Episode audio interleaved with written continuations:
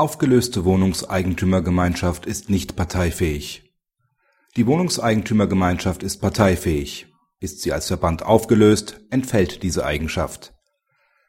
Die Miteigentumsanteile einer Wohnungseigentümergemeinschaft werden auf einen Eigentümer, der daraufhin auch das Sondereigentum unter Schließung der Wohnungsgrundbücher aufhebt und eine Bruchteilsgemeinschaft am Grundstück begründet, übertragen.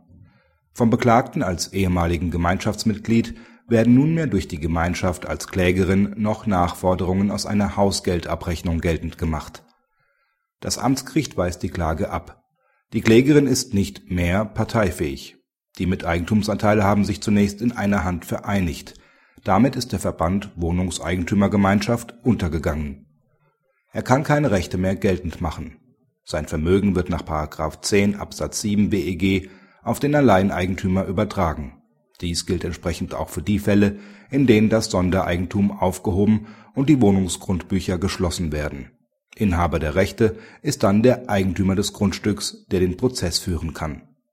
Ausblick Im Ergebnis ist die Entscheidung, bei der es sich soweit ersichtlich um die erste zur Problematik der Auflösung einer Wohnungseigentümergemeinschaft nach neuer Rechtslage handelt, zutreffend. Der aufgelöste Verband kann nicht parteifähig sein. Dennoch gibt das Urteil Anlass die Folgen der Auflösung zu betrachten. Dabei ist zu differenzieren: Vereinigen sich alle Miteigentumsanteile in einer Hand, geht zwar die Wohnungseigentümergemeinschaft als Verband unter, das Vermögen wird auf den Alleineigentümer übertragen. Dieser Fall ist in § 10 Absatz 7 BEG geregelt.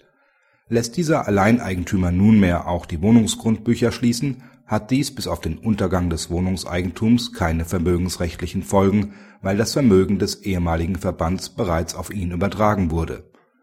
Werden die Wohnungsgrundbücher geschlossen, weil die verbleibenden Wohnungseigentümer dies vereinbaren, geht ebenfalls die Wohnungseigentümergemeinschaft als Verband unter. Es entsteht dann zeitgleich eine Bruchteilsgemeinschaft.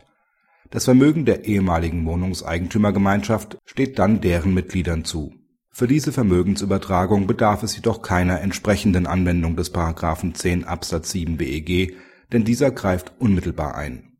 Durch die Auflösung vereinigen sich auch alle Miteigentumsanteile innerhalb einer logischen Sekunde. Gehalten werden sie gemeinschaftlich von den Mitgliedern der entstehenden Bruchteilsgemeinschaft. Wie mit dem Vermögen der ehemaligen Wohnungseigentümergemeinschaft verfahren wird, muss der neue Rechtsträger entscheiden Handelt es sich bei diesem um eine Personenvereinigung, gelten immer die für diesen Verband maßgeblichen Regelungen, um eine Entscheidung herbeizuführen.